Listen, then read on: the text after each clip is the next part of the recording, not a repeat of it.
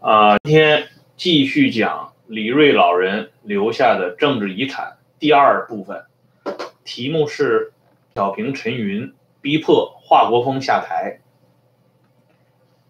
关于华国锋是如何下台的啊，迄今为止呢，中共党史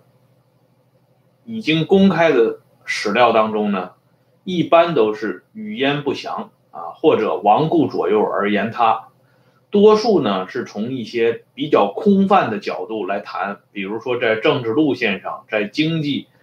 啊战线上的一些失误等等啊，还有一些坊间的作品啊，试图呢把华国锋下台的前因后果进行连接，告诉大家这个过程。不过呢，因为他们涉世太浅啊，视野也过于窄小，所以这些作品呢，也不过都是。隔靴搔痒啊！今天我们要讲的是李锐的回忆啊，为我们提供了一个完全崭新的视角，或者说呢，这个视角是我们以前从未接触到的。我在前面的节目当中呢，反复强调一点，就是李锐对于中共党史研究和中国国史研究，实际上是占有着。不无与伦比的这个地位啊，他与高华和高文谦相比啊，高华和高文谦呢是用公开史料或者是半公开史料来解构啊党史人物或者是党史上的重大事件，当然已经是相当难能可贵了。但是李锐呢，同他们来比较而言呢，李锐还有一个是他们所无法企及的长项，那就是李锐长期侧身于中共高层。特别是在八十年代，八五年以前啊，他几乎就是高层决策者的重要助手之一啊，很多重大事件他本人是亲身经历了，因此呢，他留下的口碑资料、日记等等，都是一等一的文献史料啊，是非常值得我们重视和研究的。今天我们要讲到的这个话题呢，实际上也是从侧面啊来证明这一点。李锐提供的这条啊重要的史料呢，表明在华国锋下台的过程当中，陈云起了啊仅次于邓小平的作用，或者说呢，陈云啊帮助邓小平最后下定了啊逼迫华国锋下台的这个决心。现在呢，我们就来看一下，当时陈云处在一种什么样的状态？一九七八年啊。陈云是一个什么样的状态呢？我们来转引一段啊，陈云的秘书刘家栋的回忆，在一九七八年一七月一号这一天，啊，当时担任中共四川省委宣传部副部长的刘家栋，因为到北京啊参加中宣部召开的有关会议，得以呢去拜访他多年不见的老领导陈云。啊，他到了陈云家以后呢，刘家栋观察的很仔细啊，他发现陈云的这个办公室啊，家里的这个办公室房子非常简陋，简陋到什么程度呢？简陋到一九七六年啊，因为闹地震盖的防震棚还没有完全拆除啊，上面已经空了，钢架还在屋内立着啊，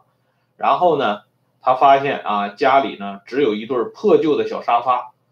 沙发的这个布罩呢，已经变成暗灰色啊，还都是破洞。嗯，有一张办公桌，但是办公桌上除了一部旧电话机、一个台历以外啊，连一份文件都没有。所以呢，刘家栋啊，他说从这些摆设当中，我们就可以看出来，陈云虽然解放了，但还没有安排工作，没有事儿干啊，还在待命。我们在考察这个陈云在一九七八年啊，包括他之前的一九七七年这两年的活动记录来看，陈云在七七年和七八年这两年当中啊，主要做的就是一件事儿啊，就是不停的参加啊各路人马的追悼会啊，比如说参加了郭沫若的追悼会啊，参加了啊。一系列的这些啊，党政军高级领导干部的啊死亡告别仪式啊，可以说呢，陈云在这个时候完全是个闲员啊，无事可做。陈云为什么啊无事可做呢？因为当时的中央领导集团啊，以华国锋、汪东兴为首的中央不允许陈云出来工作。这个呢，有一个非常重要的啊佐证资料啊，就是在一九七七年三月上旬啊，叶剑英呢曾经正式找华国锋和汪东兴谈过啊，说应该啊把陈云啊和小平同志请出来工作。对于邓小平的付出呢，汪东兴吐口了啊，汪东兴当时说了这么一句话，汪东兴说同意。适当时机让邓小平重新出来工作，但要做全党的思想转弯工作啊，以便水到渠成。但是对于陈云出来工作啊，汪东兴是坚决反对。汪东兴不仅反对啊，汪东兴当时还说了一段话。汪东兴就是引了毛泽东生前说过的话，因为一九七七年呢，还正是两个凡是啊最为鼎盛的时期。因此呢，毛虽然死了，可是他留下的话呢，仍然是圣旨啊。汪东兴说，毛泽东生前 曾经这样评价陈云。毛说呢，陈云这个人不行，到关键时刻他就躲起来了，或者生病了，啊，或者是溜走了，啊。汪东兴转述了毛的这番话以后呢，哎，华国锋呢就没有表态。华国锋没有表态，实际上呢也是等于赞成了。王东兴的看法，这样呢，啊，三个人啊，二比一，叶剑英就不好说什么了啊，呃，所以呢，陈云的复出呢，在七七年三月份啊，一经提出以后呢，就搁浅了。这样的话呢，在一九七八年七月一号这一天，陈云的老秘书刘家栋看到的那一幕场景也就不足为奇了。汪东兴啊，转述毛泽东对陈云的这个看法，实际上呢不是偶然的啊，因为不光是毛泽东啊对陈云啊有诸多的不满，党内的一些高级领导人啊对陈云的看法呢也是啊存在着很大的差异。这个差异指的是今天我们从公开史料上看到对陈云的那些高度的评价。毛呢，本来对陈云就是一直有看法，因为陈云呢并不属于毛的嫡系人物啊。他在进入中央苏区之前呢，与毛并无直接的交接，而且陈云这个人呢，在历史上一度啊与这个王明他们这些人走得很近啊，因此呢，毛对这个人的使使用呢，始终是在控制使用啊，他。陈云呢，本人虽然在啊延安的七大上啊当选为中央委员，七届一中全会上当选为啊政治局委员，并且在毛啊离开延安去重庆开会期间被增选为中央书记处候补书记，也就是所谓的候补常委。但是在具体使用上呢，毛对陈云的使用实际上是降级使用啊。陈云曾经担任过一段西北财经办事处副主任，而当时担任主任的呢。是并，啊，并不是在党内位置一直高于陈云的贺龙啊。后来呢，陈云被，呃，派到东北局工作啊。彭真呢，在书记处候补书记的排名呢是次于陈云的，可是陈呃陈云呢，在东北局的实际职务呢却低于彭真，啊。不过呢，到了东北局以后呢。陈云因为与林彪、高岗的关系处得相当融洽啊，林彪、高岗呢对陈云也相当推崇，特别是高岗呢把陈云视作能人啊，不止一次呢在毛泽东面前对陈云进行大加夸赞啊，所以呢后来任弼时死了以后呢，陈云呢就是顺理成章成为中央的五大书记之一啊，排名最后。后来八届一中全会上，陈云继续成为中共中央四位副主席之一啊，也都是由此而来。高岗的啊对陈云的称赞呢，当然不可能决定陈云后来的地位，但是呢或多或少啊起到了一个缓夹的作用。也就是说，毛对陈云的恶感呢多多少少消除了。可是就是这位啊曾经大力举荐啊陈云的呃高岗。在他生命的最后的时候啊，也就是一九五四年的时候啊，高岗呢曾经激愤的啊，对陈云啊说出了自己呃真实的啊看法啊啊，陈云当时与高岗呢之间有一段非常激愤的这个对话啊啊，陈云说呢呃要求啊高岗啊把自己的野心啊动机交代清楚。高岗一听这个话呢，马上就火了啊！高岗就说说，你们都说了反对少奇的话啊，你叫王鹤寿给我送材料啊，你还从北京派人给我送刘少奇在天津的讲话啊，为什么现在叫我一个人承担责任啊？陈云辩解呢，陈云说，我跟你是不一样的啊。然后呢，高岗接着说啊，高岗就把陈云。当年曾经对高岗说的话啊，揭发了出来啊。高岗说到时候大旗一倒，你不造反，我先造反。这话是不是你陈云说的啊？现在你承叫我承认有野心，呃，要夺权，自己啊却推得干干净净啊。最后呢，高岗啊一度大骂陈云是奸商啊，是小人啊，并且呢非常悔恨，说过去我怎么没有看透你。啊，陈云呢扔下一句话啊，说你这种冥顽不化啊，只有死路一条。公开的史料上记载呢，就是在一九五四年二月十六号的这个会上啊，陈云这样讲过，他说我把高岗和我讲的话向党说出来啊，高岗可能觉得我不够朋友，但我讲出来是党的原则啊，不讲出来是哥老会的原则。陈云的这番讲话呢，其实呢。啊，虽然是公开史料啊，但是也或多或少的反映出，当时啊高岗和陈云之间在背后究竟说了哪些啊不可告人的话啊，而高岗对陈云的这个呃指责啊，对他的这个定性奸商和小人啊，这一番话呢，可以说是高岗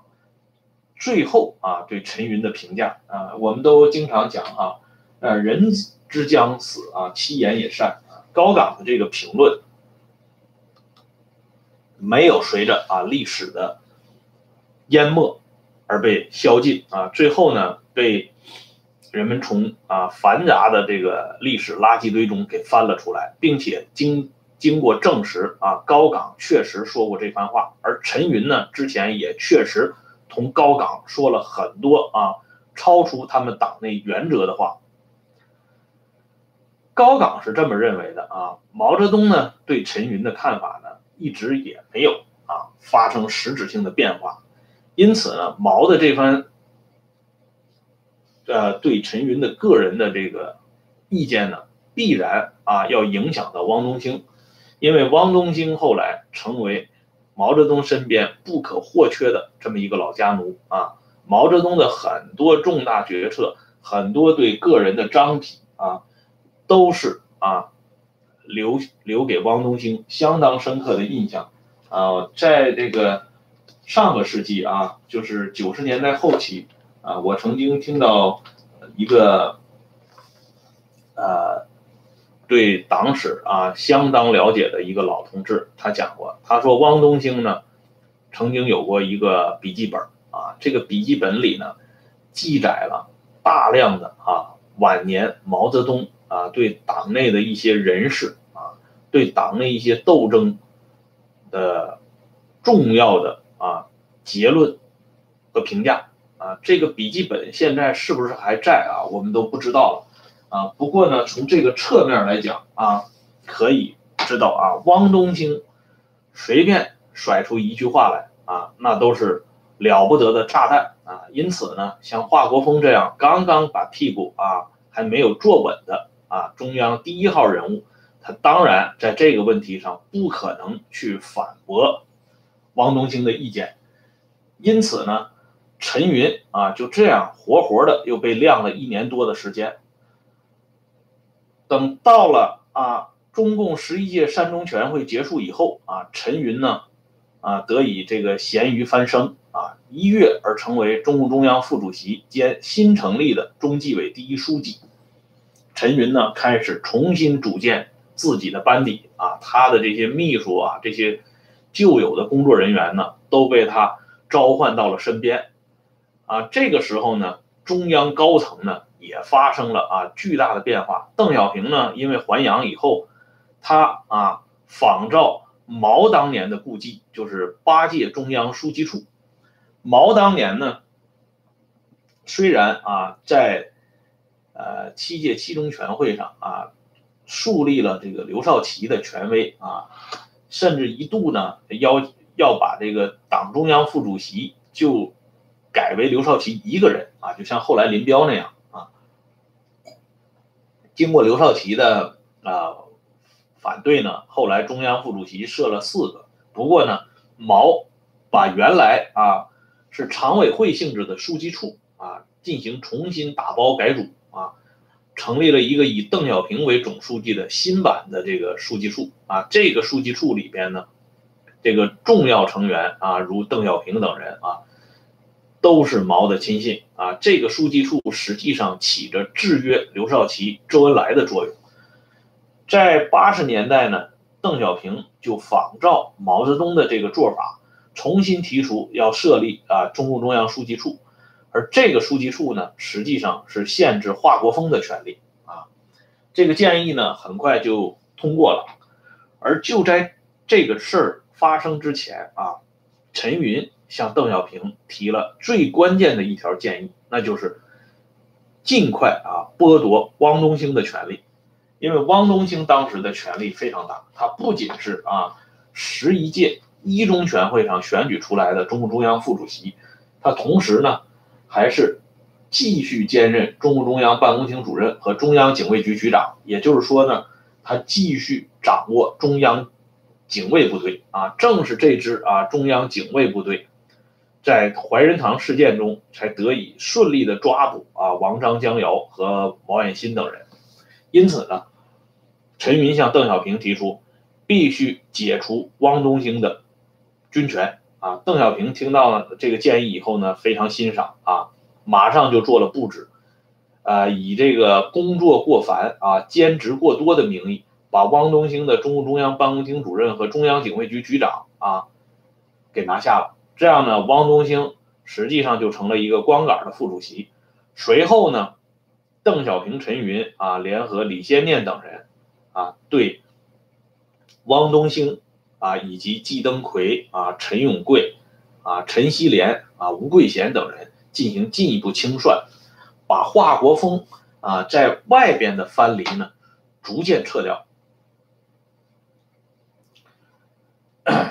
这里呢，我们想提一个呃小插曲啊，就是说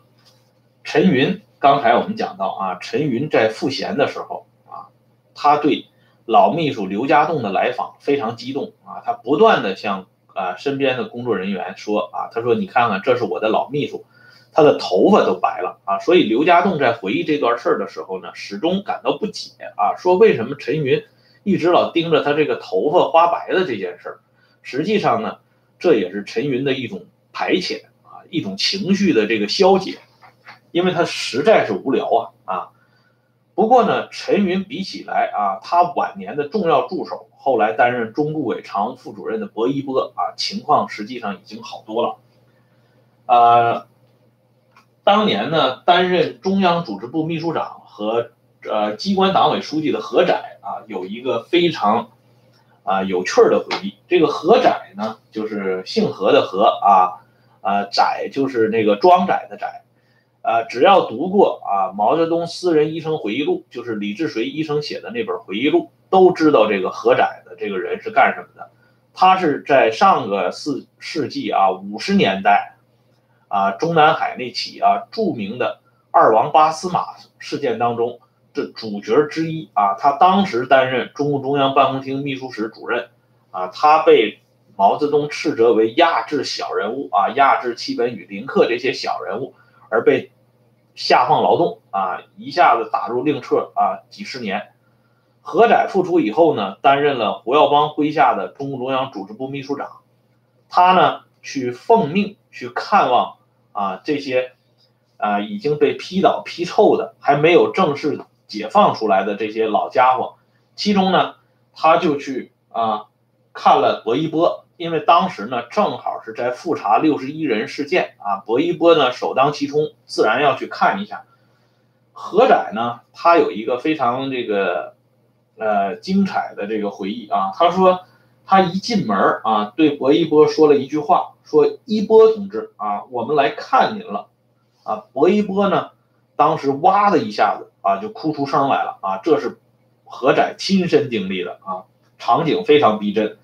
然后呢，薄一波就声泪俱下的说啊，十多年了，没人叫我同志。啊，这是薄一波对何载说的第一句话。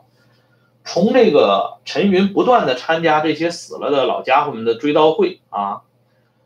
呃，以及到这个薄一波哈哇的一声哭出声来啊，可想而知呢，这些老家伙们啊，在没有获得权力之前，他们的处境啊是何等的凄凉。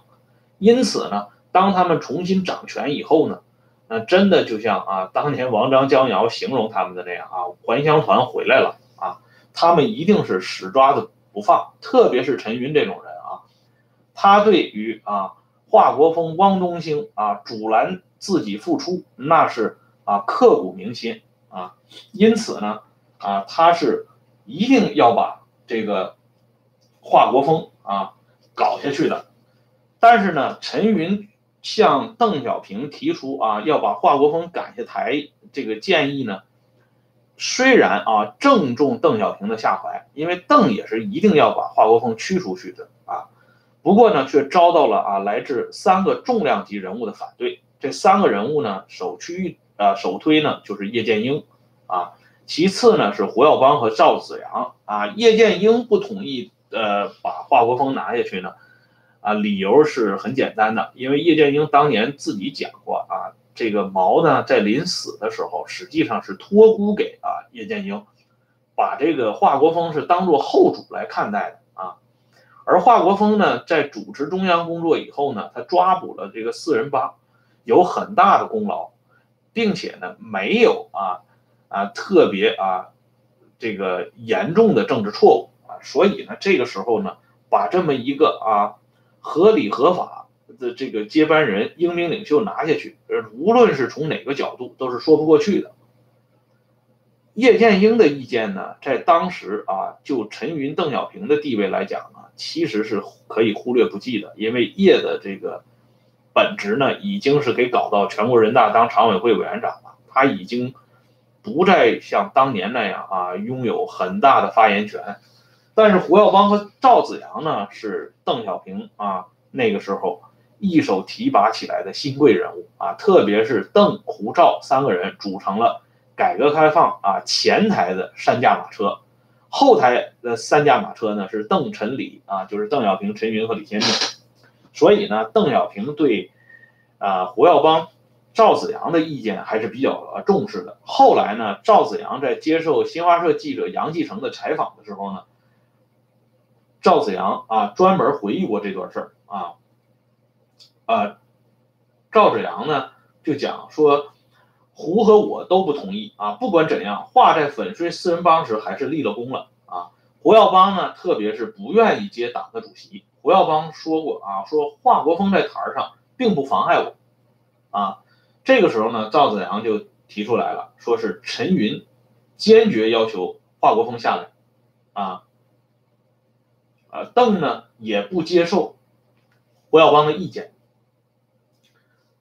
这是赵子阳的回忆，但是赵子阳的回忆呢，只是一个啊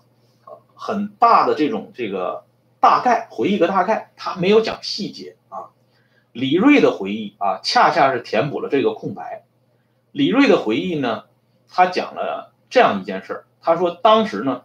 陈云向邓小平提出三条，就是华国锋这个人啊，不能留在台上的啊三点，第一，华。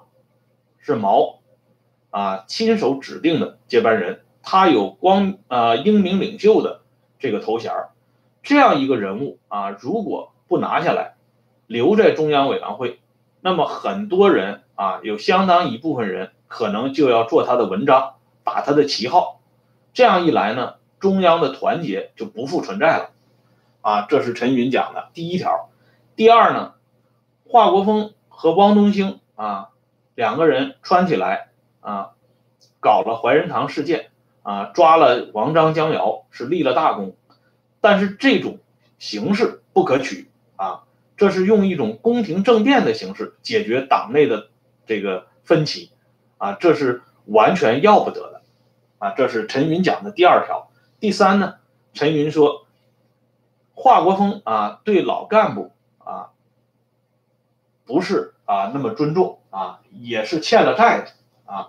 这里呢，陈云举了一个例子啊，就是在文化大革命前。曾经代理湖南省委第一书记啊王彦春的这个例子啊，呃王彦春的这个例子是什么呢？就是文革起来以后呢，王彦春和当时担任湖南省委书记处书记的华国锋这些人呢，一度啊作为当权派遭到批斗，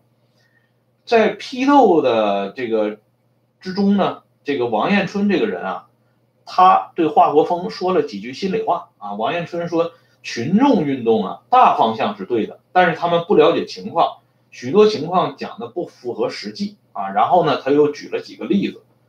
结果呢，啊，华国锋把王彦春对他讲的这番话呢，马上做了报告，实际上就是告密啊。结果呢，呃，这样一来呢，王彦春就被认为啊，是湖南省最大的啊死不改悔的走资派啊，不仅不认罪，还要搞翻案啊，对抗群众运动。当时对抗群众运动这个罪行是相当严重的，因此呢，这个王彦春呢，呃，受到了严重的迫害啊。王彦春后来才活了七十出头，实际上也和他在文革当中，啊，受到这种残酷的这个啊打击啊有直接关系啊。陈云举这个王彦春的这个例子呢，啊，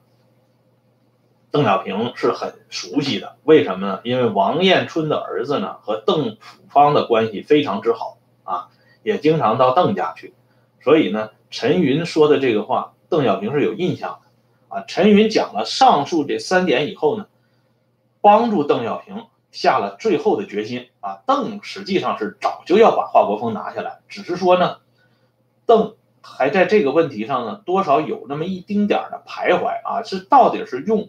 什么样的一个呃手段或者方式啊，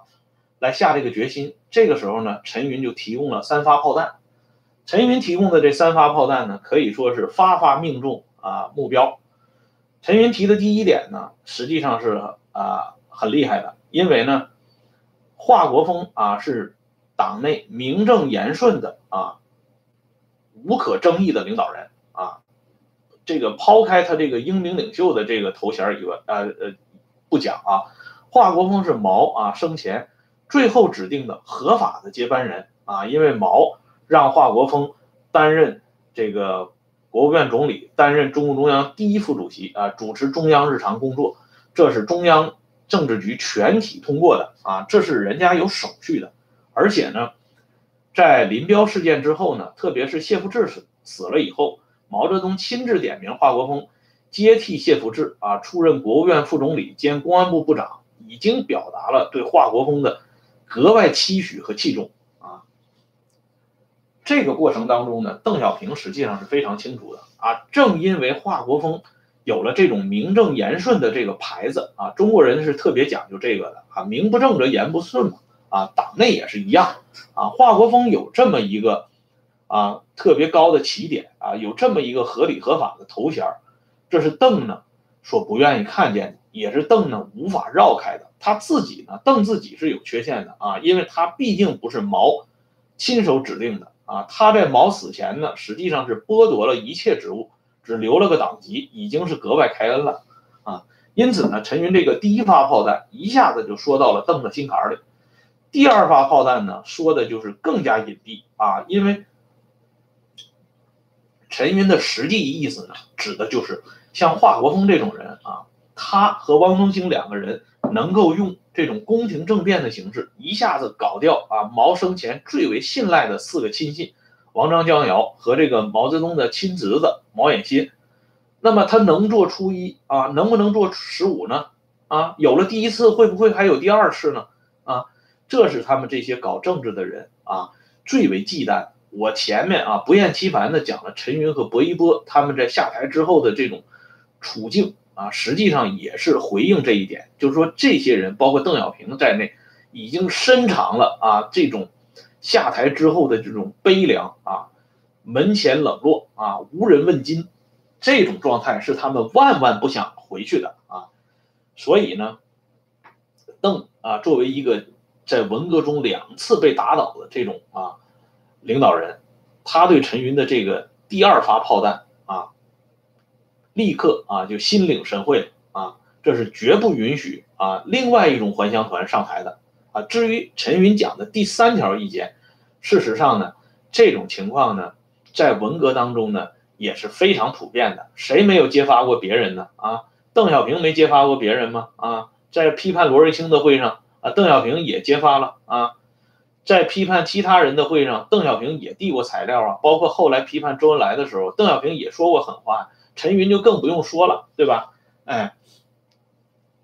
所以呢，第三条意见呢，实际上是就是逮鸡毛凑胆的啊，临时拼凑上去的，只不过是为了这进一步的这个糟改华国锋的人品啊。说你看王彦春跟他讲了心里话，可是他马上就向赵反派汇报了啊，说明这个人啊为人不行啊，这只是一个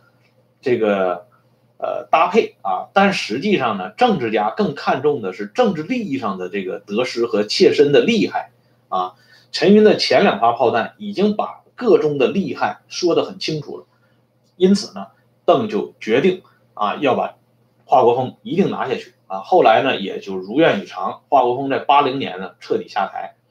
在八二年的这个十二大召开的时候呢，因为华国锋的认错态度比较好啊，给华国锋。保留了中央委员会的委员，一直保留了若干届啊，而且呢，也保留了华国锋的政治待遇。这个胡耀邦呢，啊，曾经对这个香港的记者啊陆坑讲过啊，这个华国锋虽然被拿下呢，他的政治待遇和邓小平啊、陈云他们的政治待遇都一样，都是三级啊。啊，李瑞呢提供的这条回忆呢，应该说啊是非常重要的。这里呢，我想说的是什么呢？就是说，李瑞这个人啊，他的可贵之处啊，在于他从来不盲从啊，他没有因为啊啊毛泽东啊提拔他做秘书啊，对他曾经一度青睐有加啊，他就回避毛的种种罪恶啊。晚年呢，在李瑞的晚年，甚至把毛呢彻底钉上了历史的耻辱柱。而八十年代初呢，正是陈云的提议啊。李瑞呢，回到了这个权力的核心层，啊，作为这个呃重要领导人的这个在组织人事路线上的重要助手之一啊。但是呢，李瑞啊也没有因为陈云的这种奖业和提拔，而对陈云啊做的一些事情呢啊进行遮掩和遮盖，而是如实呢啊进行了记录。这里呢，我想强调一点是，李瑞的这个呃。这个为人啊，在这点上，确实是相当难得的啊。我们都知道啊，这个在国内啊，曾经有过一个大牌的知识分子叫吴江啊，他做过中央党校的副教育长，他曾经在香港出版了一本书叫《十年的路》啊，就是和胡耀邦相处的日子。他呢，可以算是胡耀邦的铁杆粉丝啊，在他退休之后呢，一直也在为胡耀邦呢啊评功摆好，大声疾呼。这个人呢，可以说是党内开明派的知识分子代表人物之一。可是呢，这个吴江呢，啊，他晚年写过一本书啊，小册子叫《冷石斋沉思录》，啊，对中共党史和中共这个理论这个建设进行了一系列的反思，啊，内中呢不乏一些这个真知灼见啊，当然是出自于体体制内的这种真知灼见啊。他在回忆啊他的老领导。啊，刘兰涛的时候啊，这篇文章啊，我注意到了，忆刘兰涛啊，他对刘兰涛的这种回忆呢，这种这个感情呢，可以说是绵绵不尽的啊，因为他很早就在刘兰涛身边工作，刘兰涛调到西北局当第一书记以后呢，又几次想把吴江调到身边啊，吴江呢，因为种种原因推却了，到了晚年以后呢，他。跟刘兰涛更有多次的这种直接接触，可是就在这篇回忆当中呢，他对啊吴江对刘兰涛的错误和这个犯罪呢，都是一笔带过，轻轻的描述一下就结束了啊。刘兰涛这个人啊，在历史上最大的一个犯罪，就是在小说刘志丹啊被定为反党呃言论以后啊，这个中央呢把这个调查刘志丹围绕小说刘志丹这个事情的一系列这个任务啊交给了刘兰涛。刘兰涛在西安坐镇啊，可以说是不遗余力啊，整人整到了骨子里。整到什么程度呢？就是当年啊，这个写刘志丹小说的这个作者李建彤啊，就是刘志丹的弟妹啊，